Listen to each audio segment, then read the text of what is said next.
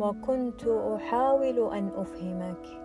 سكوتي ليس الرضا دائما وصمتي مخافة أن أؤلمك. وصبر اختياري فهذا الهوى.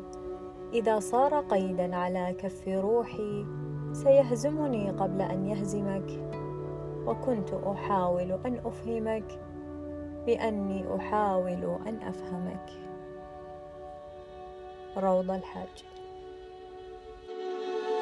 Thank you